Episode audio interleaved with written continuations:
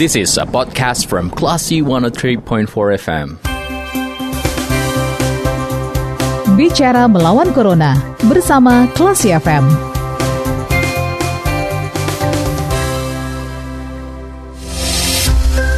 103.4 Kelas FM di the Actual Radio. Assalamualaikum kelas people. Selamat sore. Anda kembali mencermati program Bicara Melawan Corona.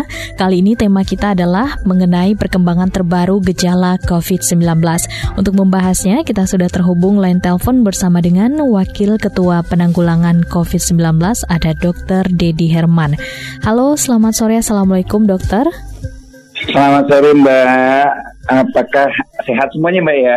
Alhamdulillah sehat. Dokter gimana ya, kondisi mudah kesehatannya? seluruh penyiar pasti FM semuanya sehat sebagai garda terdepan untuk uh, sosialisasi COVID-19 sehingga kita bisa menyelesaikan pandemi buat uh, seluruh penyiar mudah-mudahan selalu disehatkan oleh Allah Mbak.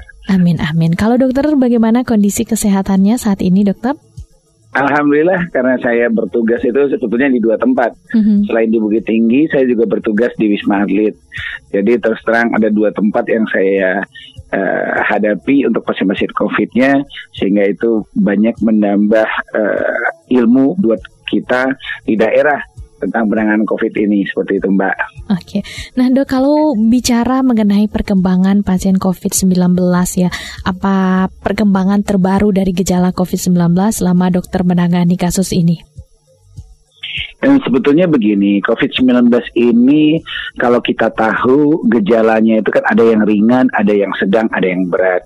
Itu yang paling penting diketahui oleh pertama oleh dokter, yang kedua adalah dokter eh, tenaga medis, dan kedua yang ketiga adalah tentu oleh masyarakat umum gejala ringan dan sedang dan berat itu dibedakan oleh beberapa hal. Mm-hmm. berdasarkan keputusan uh, ataupun dari uh, KMK 5 dari Menteri Kesehatan yang gejala ringan itu adalah pertama gejalanya yang kita selalu ingat pertama demam.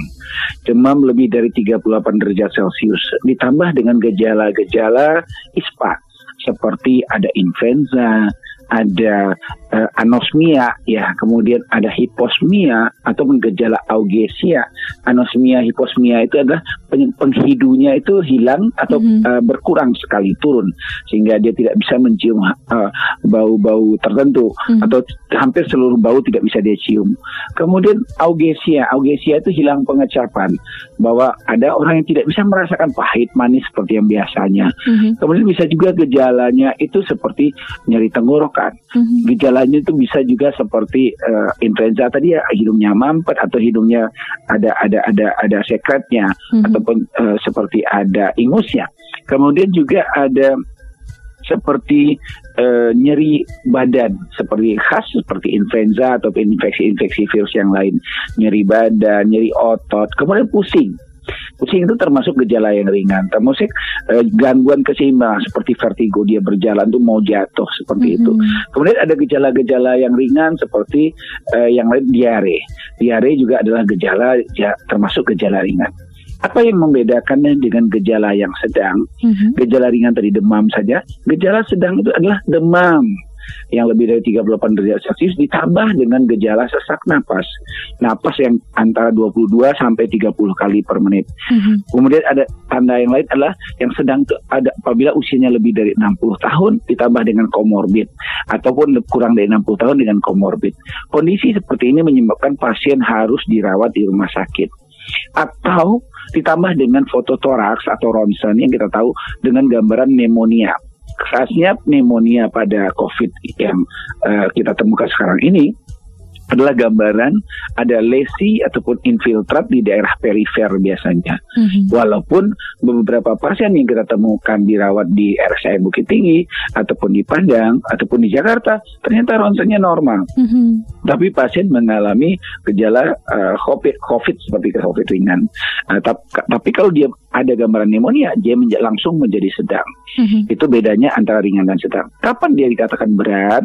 Kalau misalnya uh, ditemukan adanya tanda-tanda gagal nafas Mhm. ataupun sesak nafas berat pada orang dewasa atau anak muda atau remaja di mana nafasnya lebih dari 30 kali per menit ditambah kalau kita periksa saturasi oksigennya ada kita tahu ada pulse oximeter yang dipasang di jari itu Mhm. saturasinya kurang da- dari 90 kemudian pada anak-anak kita lihat dengan saturasi kurang dari 60 atau bayi dengan nafas misalnya neonatus lebih dari 60 kali per menit pernafasannya kemudian pada bayi lebih dari 50 kali misalnya kemudian pada anak lebih dari 40 kali seperti itu mbak Oke. jadi itu membedakan antara ringan sedang dan beratnya Artinya setiap dari kita punya eh, memiliki respon yang berbeda-beda terhadap COVID-19 ini ya dok ya. Nah eh, kira-kira untuk yang serius kapan nih? Perlu penanganan yang khusus atau perlu dibawa ke rumah sakit dokter? yang pertama tentu yang wajib dirawat itu berdasarkan KNK 5 Mhm. tentu dengan gejala sedang.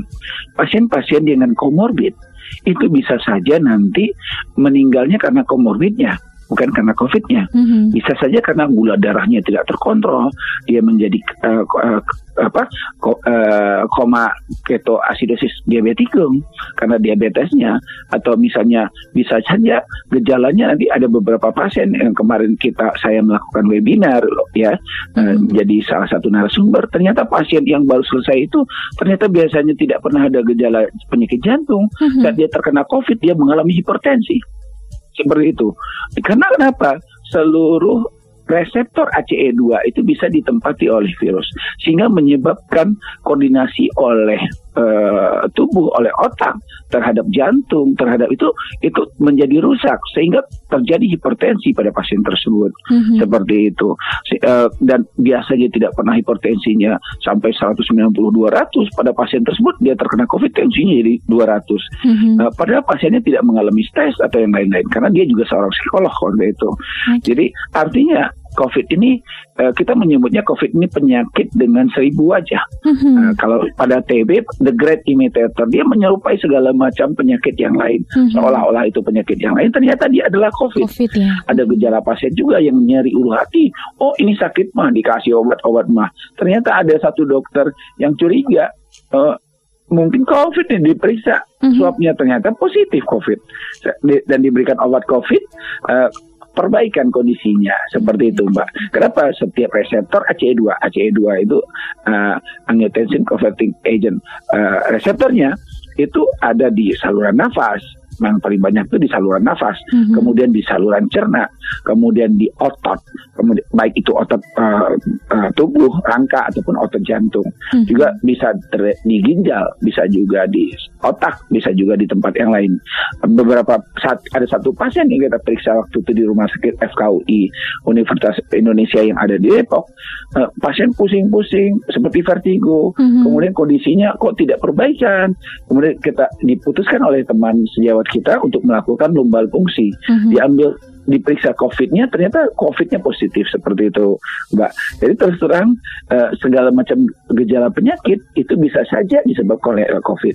Sehingga dalam kondisi pandemi sekarang kita harus berpikiran salah satu penyebabnya bisa saja COVID. Seperti itu, Mbak. Oke, nah lalu bagaimana dok ketika COVID-19 ini terdeteksi dari orang yang tidak menunjukkan gejala sama sekali? Eh, sebetulnya begini, orang tanpa gejala eh, itu sebetulnya daya tahan tubuhnya baik. Mhm. Memang itu sebetulnya bukan kita yang menentukan, ah, tentu Allah yang tahu ya. Jadi banyak karena daya tahan tubuhnya baik, so, dia tidak ada keluhan. Virusnya masuk, tapi daya tahan tubuhnya bisa menahan si virus tadi supaya tidak bermanifestasi klinis, Mhm. sehingga orang itu di- tenang saja kerja aman segala macam. Tapi belum tentu dia ter- mengen- eh, orang tanpa gejala itu tidak menularkan kepada orang lain. Mhm. Bisa saja dia tanpa gejala, tapi dia punya virus di saluran nafasnya saat dia batuk ataupun dia bersin, virusnya bisa terbang ke mana-mana dan bisa menginfeksi orang lain. Makanya diingatkan oleh WHO tidak ada bukti bahwa orang tanpa gejala itu tidak akan menularkan. Kalau misalnya CT-nya ada cycle threshold, kita lakukan swab, kemudian ada cycle threshold-nya. Kalau CT-nya di bawah 30, dikatakan itu masih sangat menular. Artinya orang-orang orang dengan oh, tanpa gejala tapi CT-nya di bawah 30 itu sangat menular. Dan selama saya praktek di tempat praktek di Bukit Tinggi, sehari itu saya bisa menemukan pasien datang itu dengan COVID itu hmm. 5 sampai 10 orang mm-hmm. sampai 15 orang per hari. Artinya apa? Banyak sekali yang terinfeksi oleh COVID ini. Salah seorangnya adalah seorang uh, teman saya yang bekerja di veterinary di uh, itu di di di Baso, Lab Baso. Dia datang waktu itu sekitar minggu yang lalu saya berikan obatnya obat COVID. Saya kasih obat COVID ya dok ya. Uh, saya berikan levofloxacin, azithromycin dan obat-obat yang lain yang biasa saya berikan untuk COVID. Kemudian tadi saya ditelepon oleh beliau, dok saya ternyata positif dok, CT saya sudah 34. Tapi alhamdulillah kemarin karena sudah diberi obat, ya artinya akhirnya ya nilai CT-nya sudah tinggi. Artinya saya sudah sehat dok. Ya alhamdulillah kalau seperti itu saya sampaikan. Saat mm -hmm. dia akan berangkat ke Batam, dirapit ternyata rapidnya reaktif kemudian dilakukan swab ternyata positif. Termasuk juga terinfeksi, dia sehat-sehat saja, termasuk yang terinfeksi oleh dia, mm-hmm. karena dia kemarin itu sempat ke Jambi, yang terinfeksi itu juga anak dan istrinya. Mm-hmm. Anak istri tanpa gejala, tapi dia terkena COVID. OTG seluruhnya seperti itu Mbak. Oke, nah berdasarkan dari uh, pengalaman dokter selama uh, melakukan penanganan COVID-19 ya, adakah nggak sih dok cara yang uh, bisa dilakukan untuk mencegah penyebaran COVID yang efektif nih selain menggunakan masker? Saya tetap begini bahwa yang paling efektif saya tadi diwawancarai oleh uh, dari dari uh, TV TV apa ya dari TV tadi TV um, satu dari uh, eh, CNN dan tadi juga satu lagi dari uh, Kompas TV saya sampaikan satu hal yang paling efektif untuk menghindari penyebaran uh, untuk menghindari COVID ini makin berat, yang pertama adalah kita harus menjaga jarak itu yang utama. Mm-hmm. Artinya kita tidak boleh mengadakan keramaian. Presiden kemarin menyampaikan bahwa cuti bersama ataupun segala macam libur itu akan diperpendek atau dihilangkan. Mm-hmm. Itu sesuai dengan masukan kita kepada uh, pimpinan negara ini bahwa satu hal, setiap selesai liburan, selesai liburan selalu kasusnya meningkat. Awalnya kita terima contohnya di Wisma Atlet udah 30 sampai 50 orang per hari. Mm-hmm. Sekarang karena kondisi seperti libur, liburan itu pasiennya kita terima sampai 250 orang per hari, mm-hmm. 270 orang per hari. Per hari kemarin 150 orang, seluruhnya 180 orang. Artinya apa? Selagi manusia tidak berhenti untuk berkumpul, selagi manusia tidak mau mendengarkan, mengingat protokol kesehatan untuk menjaga jarak ataupun me, e, melakukan e, yang diingatkan oleh WHO ataupun oleh Kementerian Kesehatan, kita tidak akan bisa menghambat virus ini. Mm-hmm. Tapi satu hal yang kita berharap cepat adalah vaksin. Vaksin mm-hmm. bermanfaat untuk pertama menimbulkan imunitas kepada orang sehat ya bukan orang yang sudah terinfeksi ya vaksin kita berikan pada orang yang sehat kenapa? Dengan vaksinasi tersebut ada antibodi di tubuhnya. Mm-hmm. apabila dia terinfeksi bisa menjadi orang tanpa gejala atau bisa eh, terinfeksinya tidak berat sehingga kita bisa mengurangi kematian atau mengurangi sequelae atau kondisi yang berat setelah dia terkena COVID. Jadi kita berharap dengan vaksin ini, memang ada dua vaksin nanti akan keluar, satu vaksin dari uh, luar negeri mm-hmm. yang dari Amerika atau Inggris dari Pfizer, satu lagi yang dari Sinovac dari Cina. Kita tentu itu sedang dipelajari dan saya baru mendengar dari Majelis Ulama Indonesia mm-hmm. bahwa Majelis Ulama Indonesia sudah pergi uh, ke dua pabrik tersebut untuk melihat pembuatannya dan menilai apakah vaksin tersebut bisa digunakan untuk uh, kita yang beragama Islam. Hmm. Mudah-mudahan saja vaksin itu aman dan tidak uh, mengandung hal-hal yang menyebabkan dia menjadi haram sehingga menyebabkan uh, tidak berhasil dalam usaha kita menghadapi pandemi sekarang ini, Mbak. Oke, nah uh, seperti yang dokter jelaskan tadi bahwa ada gejala ringan, sedang dan berat ya untuk pasien COVID-19. Apakah uh, orang yang mengalami gejala ringan hingga sedang ini dapat pulih tanpa penanganan, dok? Satu hal bahwa kalau gejalanya ringan atau tanpa gejala, sebetulnya tanpa obat pun dia bisa sehat. Mm-hmm. Asal dia pertama istirahat total cukup. Yang kedua dia makan buah-buahan yang berefek terhadap daya tahan tubuhnya. Kemudian dia menghindari makan makanan yang junk food yang nanti bisa menyebabkan penurunan daya tahan tubuh. Kemudian ya tentu kalau ada vitamin dia bisa konsumsi itu akan jauh lebih baik mm -hmm. ya Untuk yang gejala ringan tentu kita butuh obat-obatan. Kalau dia mengalami diare tentu bisa kita berikan obat diare. Kalau dia misalnya dia pusing atau segala macam bisa kita berikan obat pusing. Kalau dia demam tentu harus kita turunkan demamnya. Karena kalau demamnya terlalu tinggi juga tidak akan bagus untuk tubuh pasien tersebut. Artinya apa? Kita bekerja dengan uh, mengatasi gejalanya. Untuk kondisi sedang tentu tetap tempatnya adalah di rumah sakit. Kita tidak bisa mendinaikan bahwa ada bukti 40% sampai 50% pasien kondisi sedang itu akan jatuh ke dalam kondisi berat atau masuk dalam ventilator. Mm-hmm. Contohnya ada pasien tadi yang ada di rumah sakit Ung uh, apa ya Ong di di Jawa Tengah jam 9 pagi masih tenang masih baik jam 2 siang meninggal usia masih muda sekitar 30-an tidak ada komorbid uh, ya uh, mm-hmm. tapi memang agak gemuk sih dan meninggal dalam waktu yang sangat cepat. Hmm. Dan keluarganya menyampaikan tolong disebarkan video ini dari anak saya supaya orang lain aware bahwa COVID itu ada. Ini bukan konspirasi. Hmm. COVID ini ada. Jangan sampai terinfeksi. Okay. Banyak pasien saya yang saya visit di Wisma Atlet itu rata-rata menyatakan iya dok salah saya saya nggak percaya dengan covid ini awal-awal setelah hmm. terinfeksi saya tahu bagaimana sakitnya terkena covid ini seperti itu mbak jadi saya kita berharap bahwa orang sadar bahwa COVID ini ada dan kita mau bersama-sama menghadapinya. Tidak mungkin hanya kita, dokter ataupun perawat ataupun tenaga medis yang ada yang akan menghadapi untuk mengobatinya, tapi tentu masyarakat sebagai garda terdepan yang bisa menghentikan COVID ini. Okay. Selain kita meminta kepada Allah karena Allah yang menentukan sehat atau tidak sehatnya kita. Seperti itu, Mbak. Oke, okay, baik. Nah, seperti yang dokter jelaskan tadi bahwa COVID-19 ini adalah penyakit dengan seribu wajah.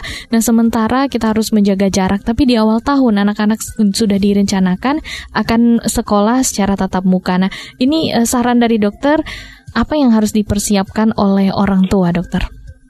Pertama begini, ada beberapa sekolah saya yang sangat apresiasi bahwa pertama contohnya adalah mereka harus menghitung uh, luas kelas.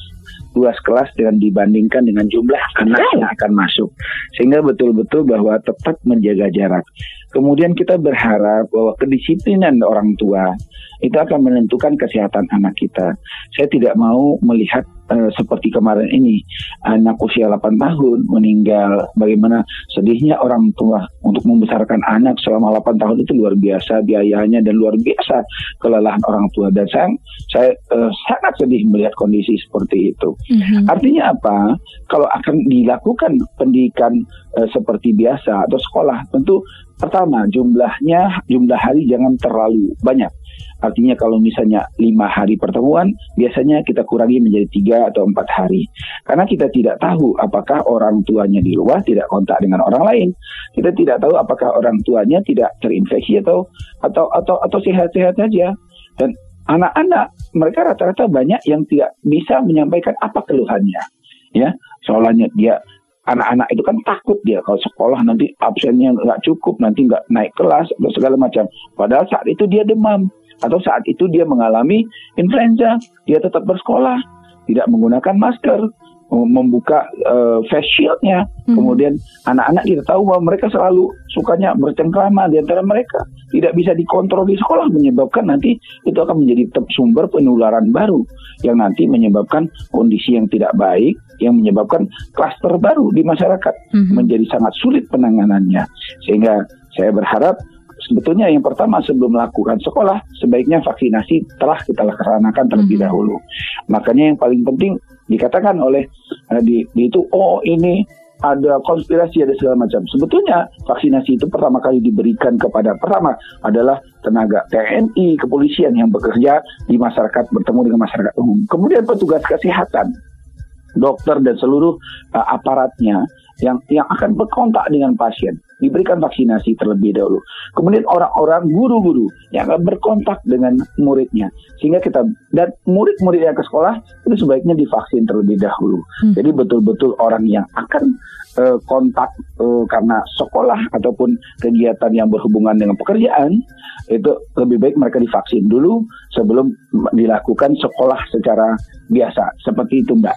Oke baik kalau gitu terima kasih dokter atas informasi dan juga uh, ilmu yang yang diberikan untuk sore hari ini. Semoga bermanfaat juga untuk yang mendengarkan. Sehat-sehat selalu dokter. Kita berharap semoga vaksin akan segera bisa dilakukan di Indonesia. Ya, kita berdoa mudah-mudahan seluruh penyiar klasi FM, seluruh rakyat Indonesia sehat. Kita bisa hidup secara normal kembali. Kita bisa kembali kepada keluarga kita. Eh, saya ingat sekarang banyak petugas kita di sini yang di Wisma Atlet ini ada yang sudah 9 bulan tidak bertemu dengan eh, selama 7 bulan, 8 bulan tidak bertemu dengan keluarganya. Mm-hmm. Dan itu sangat kasihan saya melihat mereka atau tidak bertemu dengan orang tua, tidak bertemu dengan anak dan istri karena ada pekerjaan kemanusiaan seperti ini, Mbak. Minta doanya supaya kita semuanya sehat, Mbak. Amin, amin. Kalau begitu, yeah. dokter, kita ketemu di lain waktu untuk pembahasan yang berbeda tentunya terkait dengan perkembangan COVID-19. Terima kasih, dokter Dedi. Sehat-sehat selalu. Assalamualaikum warahmatullahi wabarakatuh. Waalaikumsalam warahmatullahi wabarakatuh. Terima kasih. Anda sudah mencermati program Bicara Melawan Corona bersama Klasi FM. Tetap waspada, bersama kita lawan Corona. This is a podcast from Classy 103.4 FM.